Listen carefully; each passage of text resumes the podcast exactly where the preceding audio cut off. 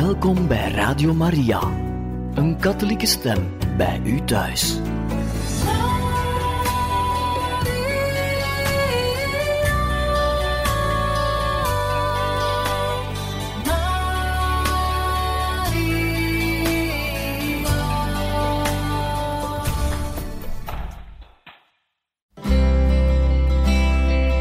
Welkom bij Boekat, een programma van Radio Maria.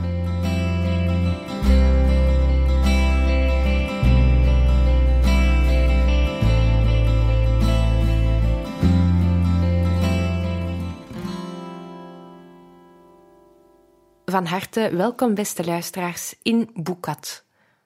Momenteel lezen we uit een boek geschreven door Albino Luciani, de latere paus Johannes Paulus I, die in zijn tijd als patriarch van Venetië de ongewone opdracht had aangenomen om iedere maand een brief te schrijven aan een beroemde persoonlijkheid in de periodiek Messaggero di San Antonio. We lezen er nu verder uit. Aan Sint Bernardus, abt van Clairvaux.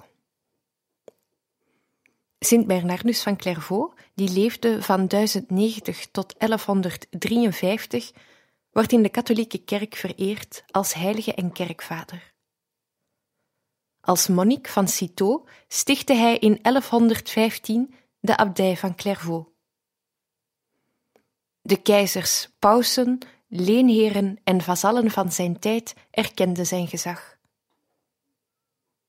Bernardus was asceet en mysticus, wiens werken over spiritualiteit aanzienlijke invloed hadden op de stromingen in de westerse ascese.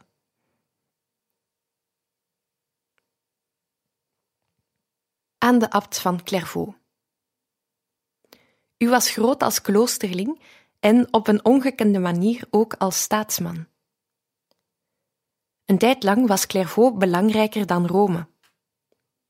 Koningen, keizers, pausen, leenheren en vazallen kwamen naar u toe.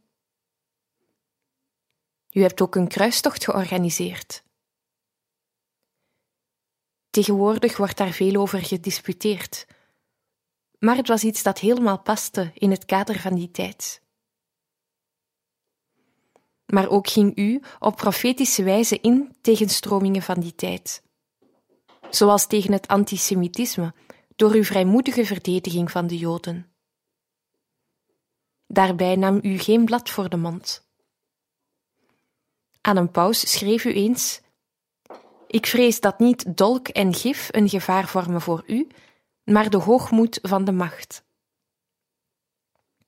En aan de koning van Frankrijk, die een abt benoemd had tot hofmaarschalk: Hoe zal dat nu gaan?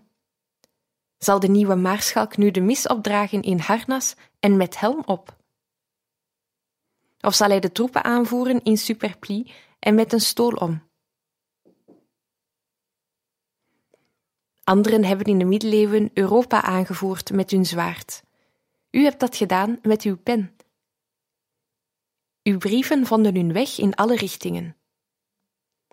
Helaas zijn die maar gedeeltelijk meer over, ongeveer 500. Die brieven handelen meestal over ascese.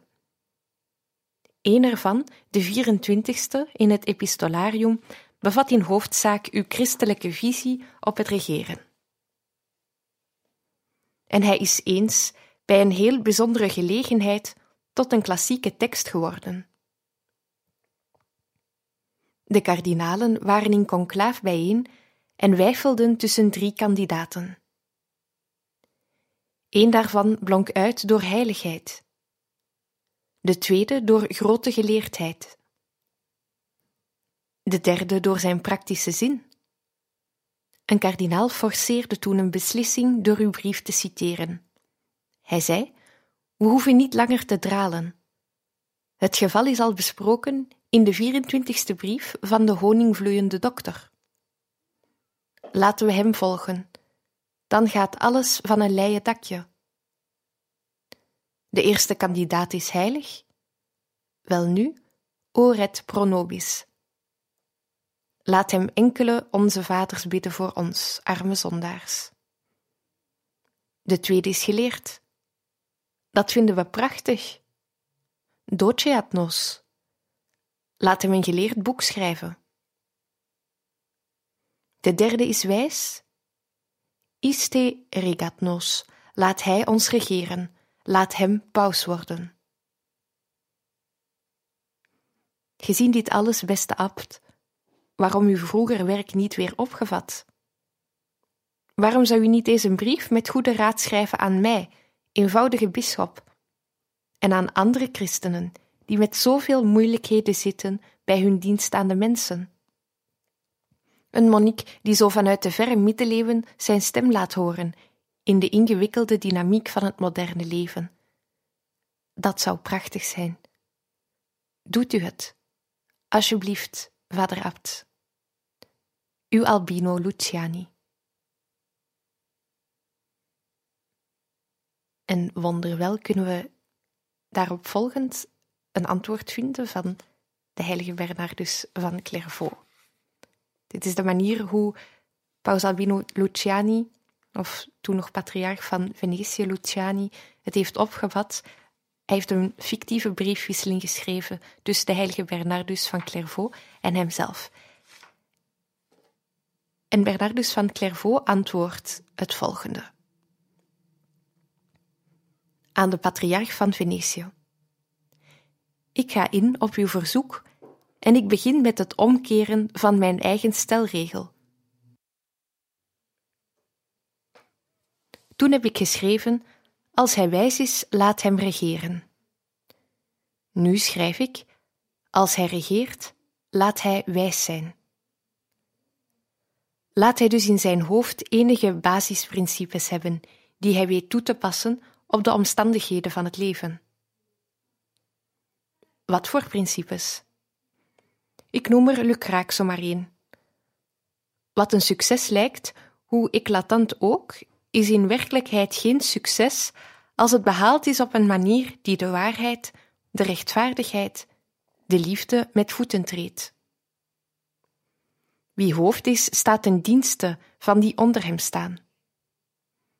Dit geldt voor hoog en laag, in zover men weer mensen onder zich heeft. Hoe groter iemands verantwoordelijkheid is, des te meer heeft hij de hulp van God nodig. Zoals ook uw Metastasio zegt: Tot het doen van schone daden helpen vaardigheid en geest.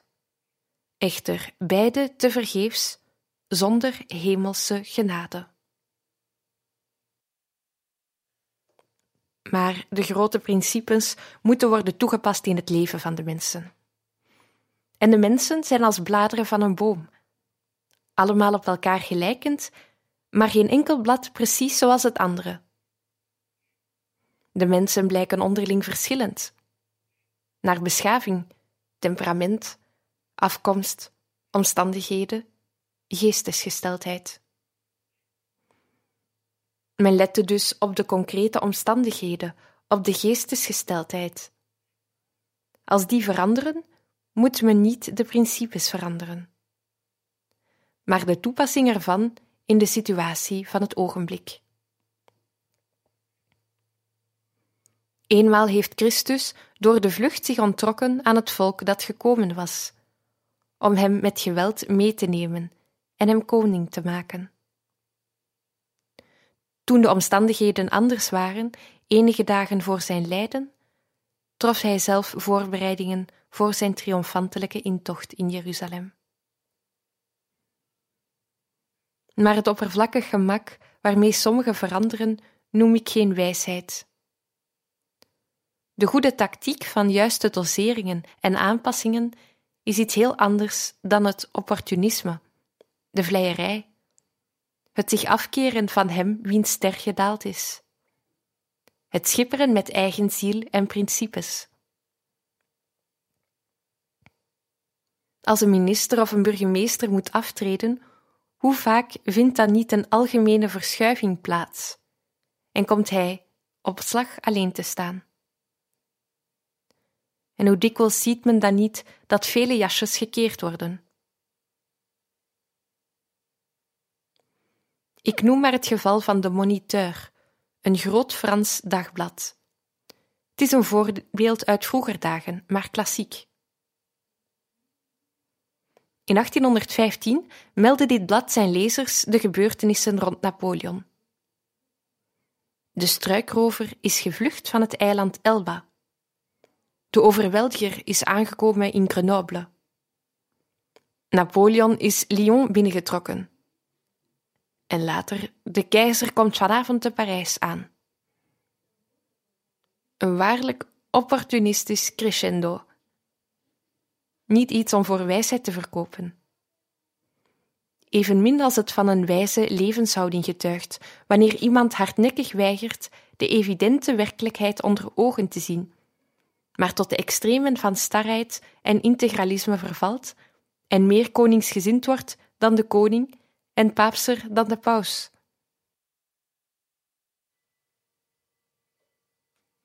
Er zijn mensen die een eenmaal verworven idee in de grond begraven en het verder heel hun leven blijven bewaken en afgunstig verdedigen, zonder het ooit nog eens opnieuw te overwegen, en zonder te willen nakijken wat er van geworden is na al die regens, orkanen en sneeuwstormen van gebeurlijkheden en veranderingen. Gemis van ware wijsheid bedreigt ook hen die als in de stratosfeer leeft, leven, die vol met boekenwijsheid zitten, die zich geen ogenblik kunnen losmaken van wat er gedrukt staat. Echte Azekagarboulis mensen dat was het, een van de personages uit een bekend boek, Italiaans boek, I Promessi Sposi van Manzoni, overigens een van de lievelingsboeken van Paus Franciscus. En dat was zo'n persoon die problemen maken waar er geen zijn, die alles analyseren en uitpluizen, altijd op zoek naar haren om die in vieren te kloven. Het leven is anders. Lord Palmerston heeft terecht gezegd dat om de bladzijde van een boek open te snijden een benenvouwbeen veel dienstiger is dan een vlijmscherp mes, dan een vlijmscherp scheermes. Clemenceau, de tijger, dacht er ook zo over toen hij twee ministers van zijn kabinet al dus typeerde. Poincaré weet alles, maar hij begrijpt niets. Briand weet niets, maar hij begrijpt alles. Ik zou zeggen, probeer zowel te weten als te begrijpen. Zoals ik bovenal zei, de juiste principes hebben en ze toepassen op de werkelijkheid. Dat is het begin van wijsheid. U dus van Clairvaux.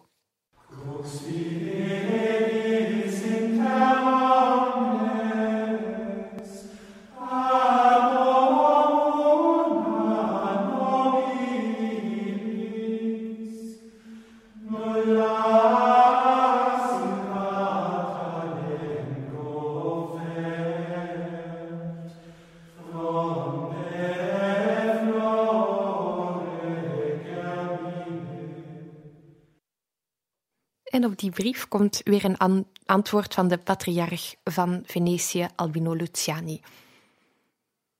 Aan de abt van Clairvaux, dank voor uw schrijven. Ik apprecieer het vooral dat u me aanspoort de zaken te onderzoeken, telkens opnieuw te bezien, situaties niet te laten stagneren en hervormingen die nodig zijn niet achterwege te laten. Dit geldt zowel voor de kerk als voor de staat en een gemeente. Een burgemeester zei me onlangs: Weet je wat er gebeurd is? Een nieuw benoemde wethouder had opgemerkt dat elke dag een politieagent de wacht hield bij enige banken in het stadspark. Wat een verkwisting, dacht hij. Een agent om de Bank van Italië te bewaken, dat is te begrijpen. Maar waarom voor een tiental eenvoudige zitbanken? Hij ging de zaak eens onderzoeken en weet je wat hij vond? Jaren geleden waren de banken in het park opnieuw geverfd. Opdat de mensen geen schade zouden oplopen als ze op die pas geverfde banken gingen zitten, had men, op last van het gemeentebestuur, een agent daar gepost. En men had vergeten dat bevel in te trekken. De verf was al lang opgedroogd, maar de agent bleef maar letten op niets. Terug naar ons onderwerp. Vindt u niet, vader Abt, dat de wijsheid van een bestuurder een zekere beweeglijkheid moet hebben? Plato noemde de wijsheid de koetsier van de deugden. Welnu, een koetsier probeert zijn bestemming te bereiken en zal daarbij het leven van het paard zoveel mogelijk sparen. Maar als het nodig is, legt hij de zweep over het paard, om te komen waar hij wezen moet en om op tijd daar aan te komen. Met andere woorden, we moeten voorzichtigheid niet verwisselen met lusteloosheid. Luiheid, slaperigheid, passiviteit. Voorzichtigheid sluit blinde ijver en dwaze vermetelheid uit. Maar eist wel flinke, besliste, moedige aanpak als dit nodig is. Soms moet men remmen, soms sneller rijden. Soms moet men zijn krachten sparen, soms zich geheel en al geven. Soms moet men zijn tong, zijn verlangens en zijn woede in toom houden. Soms moet men ze, als er reden toe is, laten exploderen. In de jaren dat afgezanten van Cavour in de Romagna werkten, kwam de blijspelschrijver Paolo Ferrari naar Turijn en zei: Graaf, wij weten ginds niet meer naar wie wij moeten luisteren. Bon compagnie spreekt voorzichtigheid. La Farina preekt stoutmoedigheid. Wie van de twee geeft uw gedachten op de juiste manier weer? Wie van de twee is uw ware afgezant?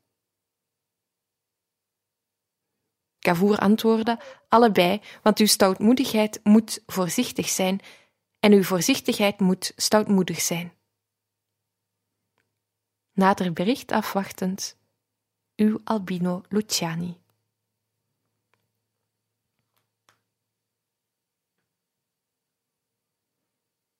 En Bernardus van Clairvaux antwoordt aan de patriarch van Venetië. Of het Cavour met zijn antwoord ernst was, laat ik in het midden. Maar ik vind wel dat de voorzichtigheid dynamisch moet zijn. Dat wil zeggen, aanzetten tot activiteit. Men dient echter drie fasen te onderscheiden: het overwegen, het besluiten en het uitvoeren. Overwegen wil zeggen middelen zoeken die naar het beoogde doel leiden. Hierbij steunt men op eigen nadenken, raadvragen, zorgvuldig onderzoeken. Pius XI zei dikwijls: Laat me eerst nadenken. De Bijbel vermaant ons: Mijn zoon, doe niets zonder raad te vragen. Populaire spreekwoorden zeggen dit op kleurige wijze. Vier ogen zien meer dan twee. Bezint eer je begint. Haastige spoed is zelden goed. Kalmpjes aan, dan breekt het lijntje niet. Besluiten wil zeggen, na de verschillende mogelijke middelen overwogen te hebben, één ervan uitkiezen. Ik pak dit, want het is het meest geschikte, of althans het enige realiseerbare. Voorzichtigheid is niet het eeuwige treuzelen, dat alles tegenhoudt en de geest door onzekerheid verscheurt. Nog ook het lange wachten, om zo het allerbeste besluit te nemen. Men zegt wel eens dat politiek de kunst van het mogelijke is. En in zekere zin is dat waar. Uitvoeren is het voornaamste van de drie. Hier moet de voorzichtigheid samengaan met standvastigheid die zorgt dat men zich niet door moeilijkheden en hindernissen laat ontmoedigen. Dat is het ogenblik waarop iemand zich aanvoerder en leider toont. Daarop zinspeelde Philippus van Macedonië toen hij zei: Toen hij zei: Een leger van bange herten, aangevoerd door een leeuw, is beter dan een leger van sterke leeuwen, geleid door een hert. Als monnik moet ik beklemtonen dat de wijze voorzichtigheid allereerst een deugd is, die dus alleen edele doeleinden dient en geoorloofde middelen gebruikt. Volgens Plutarchus was Alcibiades bezeten van zijn behoefte aan populariteit. Tot elke prijs wilde hij dat het volk zich met hem bezighield.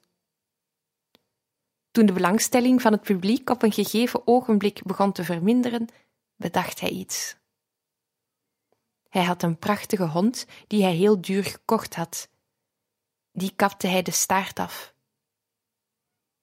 Zo kon heel Athene weer praten over Alcibiades, over zijn rijkdom en zijn zonderlinge en dure invallen. Dit nu is een geval niet van wijze voorzichtigheid, maar van listigheid, die tegenwoordig bij jullie ook veel voorkomt, maar dan met andere middelen. Foto's in de kranten, berichten in de pers, slim in elkaar gezette redeneringen. Geruchten die men handig laat rondgaan. Als daar nog bij komt de sluwheid die onbehoorlijke middelen gebruikt, dan passen jullie in de school van de Vos, van Ulysses en van Machiavelli. De sluwe spreekt, maar zijn woorden zijn niet bedoeld om zijn gedachten bekend te maken, maar om ze te verbergen. Hij tracht de leugen waarheid te doen lijken, de waarheid leugen. Soms heeft hij succes, maar gewoonlijk duurt dit niet lang. In de bondhandel worden huiden van vossen sneller verkocht dan die van ezels. En als de sluwerts processie houden, loopt de duivel voorop met het kruis. Excuseer mijn vrijmoedigheid. Bernardus van Clairvaux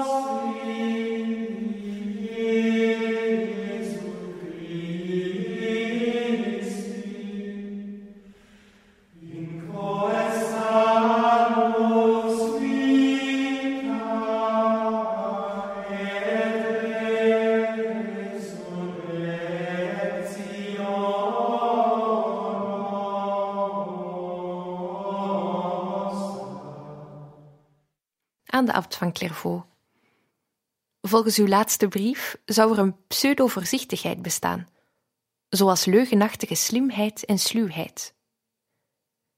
Maar men kan niet ontkennen dat het voor mensen in het openbare leven moeilijk is niet af en toe wat sluwheid te baat te nemen.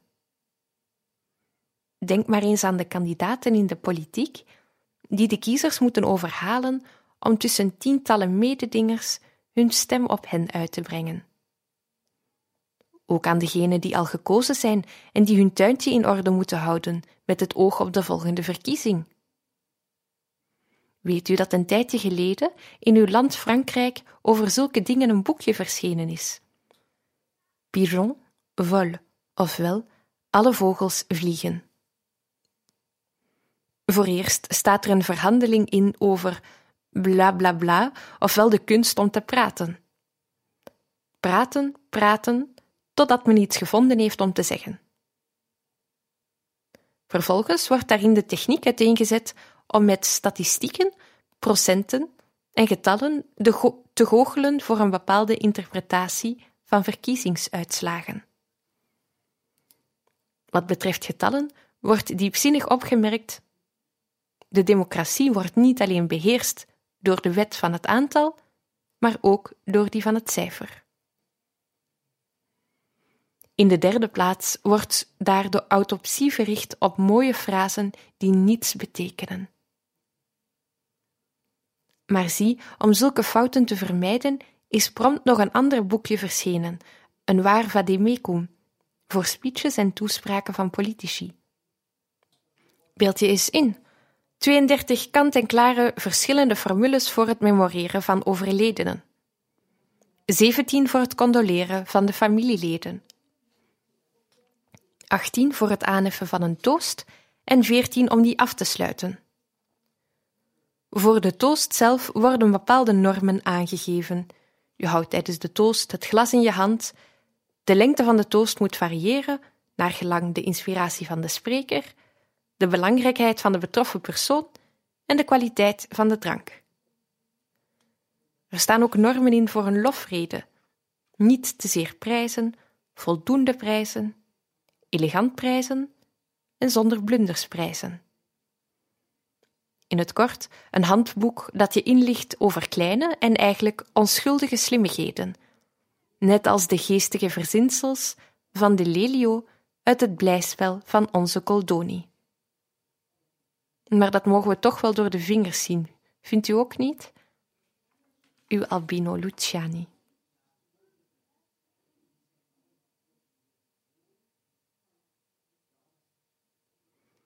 Aan de patriarch van Venetië. U maakt grapjes aan het eind van uw brief. Mensen die in het openbare leven staan, moeten in alles recht door zee gaan, vind ik. Ook omdat ze door hun gedrag goede of slechte invloed uitoefenen op de jongeren. Bovendien hebben ze betere en meer doeltreffende middelen ter beschikking dan die waar u over spreekt. Schranderheid bijvoorbeeld. Wie schrander is, laat zich niet bedriegen door uiterlijk vertoon of mooie woorden. Hij doorziet het karakter en de bedoelingen van anderen uit hun voorkomen en gedrag.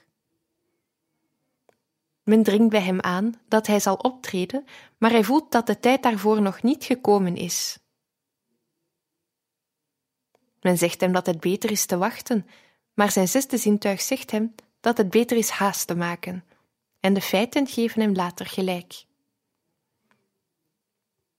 Een ander nuttig middel is methodisch te werk gaan. Men moet eerst goed het doel vaststellen voordat men middelen gaat zoeken. Dan moet men de middelen met elkaar vergelijken en elk middel beoordelen naar zijn geschiktheid.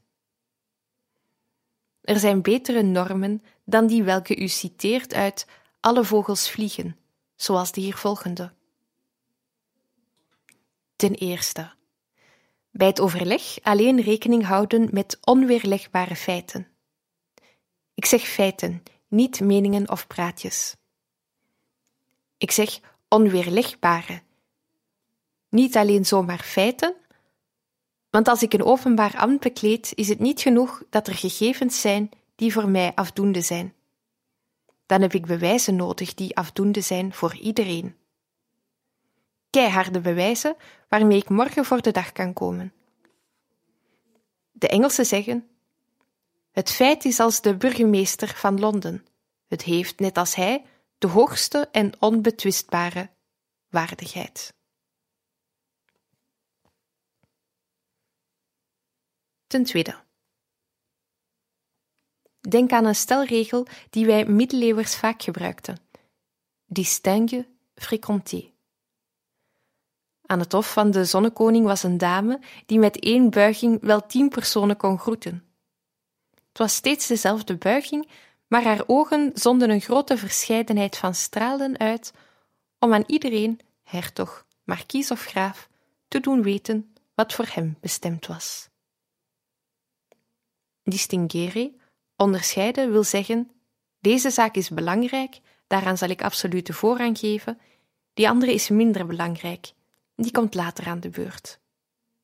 Wat men tegenwoordig noemt het stellen van prioriteiten. Ten derde, nuttig is ook het divide et impera, verdeel en heers van de Romeinen. Hier gaat het niet om verdeeldheid zaaien onder de mensen, maar om het verdelen van het werk. Waarom? Je kunt niet twee dingen tegelijk goed doen. Dat DVD moet je dus ook toepassen op het werk. De verschillende taken die onder je medewerkers moeten verdeeld worden. Maar dan ook gebruik maken van je medewerkers. Het moet niet gaan als ten tijde van de Triple Alliance, toen men zei: de driebond van Duitsland, Oostenrijk en Italië is de tweebond Duitsland en Oostenrijk, en deze twee zijn één. En die ene heet Bismarck. Maar vanwege het democratisch klimaat dat tegenwoordig bij jullie heerst, schijnen lui als Bismarck niet zo erg meer in trek te zijn. Heel nuttig is het ook de dingen te voorzien. Toen Napoleon in 1800 van Parijs naar Italië vertrok, had hij tevoren op een landkaart tussen Alexandrië en Tortona een speld geprikt en gezegd: Hier zullen zich waarschijnlijk de Oostenrijkers concentreren.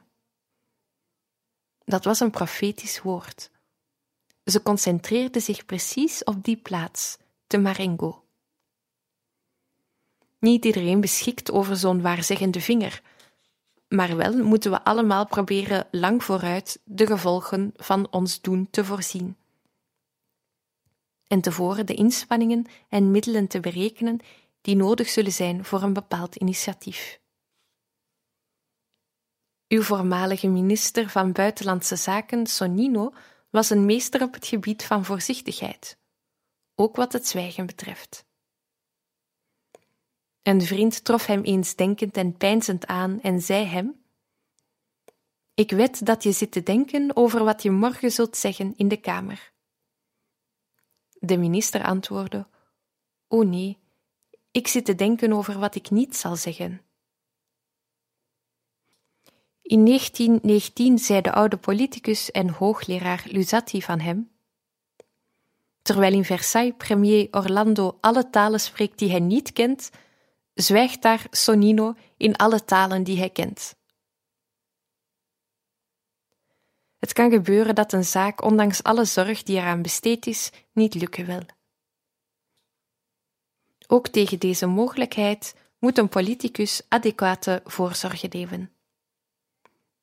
De boer denkt eraan dat het kan hagelen en hij verzekert zich dus. Een generaal bereidt alles voor op de overwinning.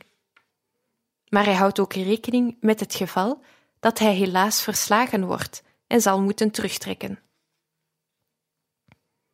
Plutarchus zegt dat Diogenes eens een aalmoes ging betelen van een marmeren beeld. Hij kreeg natuurlijk geen cent. Maar toch bleef hij vragen. Iemand vroeg hem: Is dat nou geen tijdverspilling? Maar Diogenes antwoordde: Helemaal geen tijdverspilling. Ik ben me aan het oefenen in het ontvangst nemen van weigeringen. Ook heel verstandig. Nog een laatste goede raad. Word niet te gauw mismoedig. Jarenlang heb ik gewerkt en gezocht voor de gemeente. Ik heb me er helemaal voor ingezet. Ik heb daarvoor zelfs mijn eigen belangen en mijn gezin tekort gedaan. Ik heb mijn leven verkort met al die zware en langdurige zorgen. En wat doen ze? Ze laten me in de steek, ze zagen de poten onder mijn stoel weg, ze vallen me aan en breken me af. Laat ze dan maar, ik trek me wel netjes terug.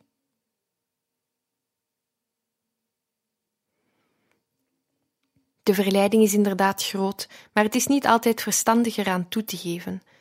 Het is waar dat aflossing van de wacht op zijn tijd nodig blijft, maar ook is het waar dat het algemeen belang soms kan eisen dat degene die iets begonnen is, het ook doorzet en dat iemand met kunde en ervaring aanblijft. Men moet natuurlijk acht slaan op gegronde kritiek, want niemand is onfeilbaar. Maar men moet er ook aan denken dat zelfs Christus het niet iedereen naar de zin kon maken.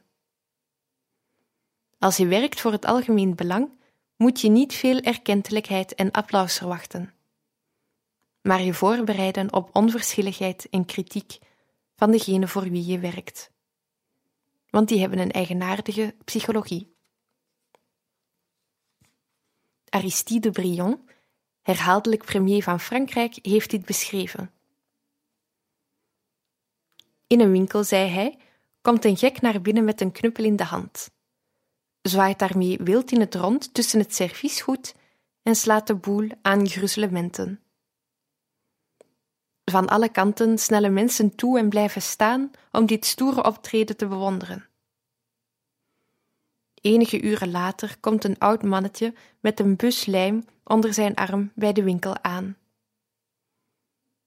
Hij trekt zijn jas uit, zet zijn bril op en met monnikengeduld begint hij te midden van al die scherven de kapotte koppen en schalen weer te lijmen.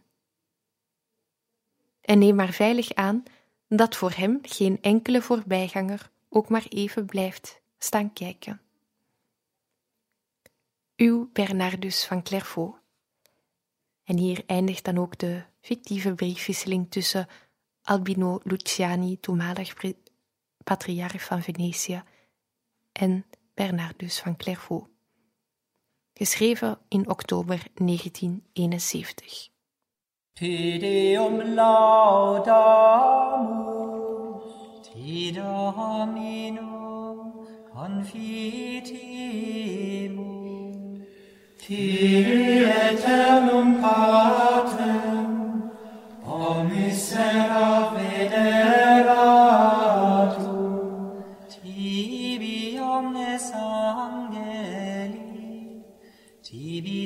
miserii et universe potestates. Tibi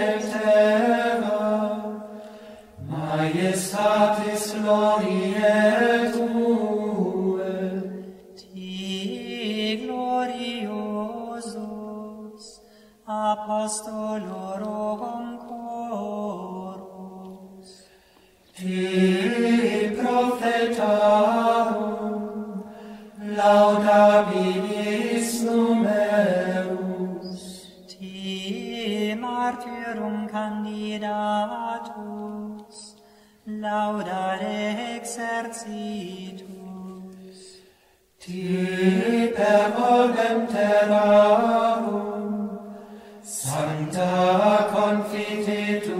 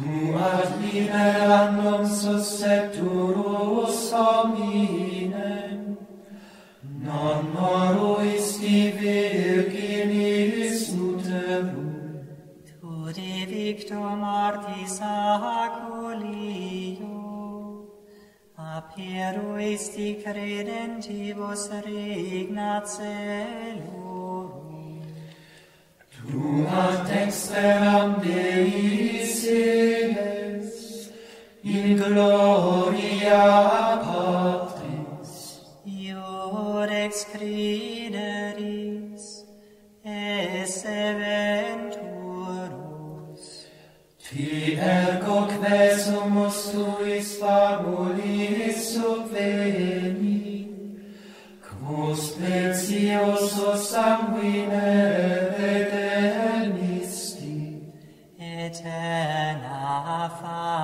sanctis tuis, in gloria numerari.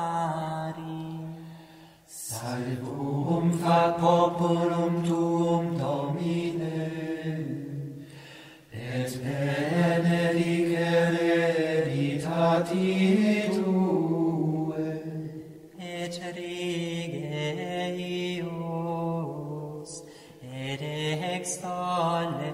lasosque in aeternum.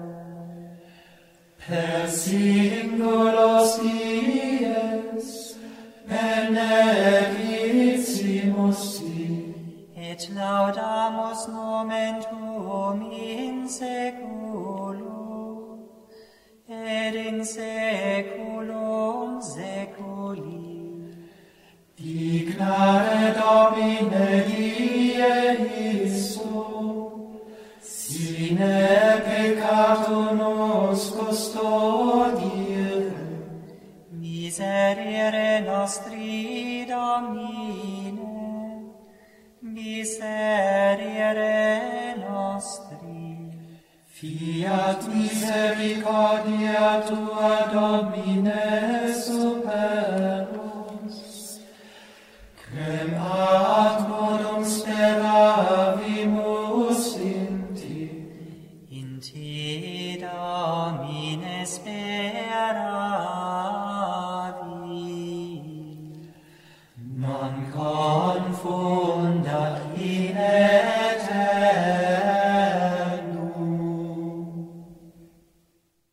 tot zover, beste luisteraars, de brieven aan beroemde mensen voor vandaag. Geschreven door Albino Luciani, de latere paus Johannes Paulus I.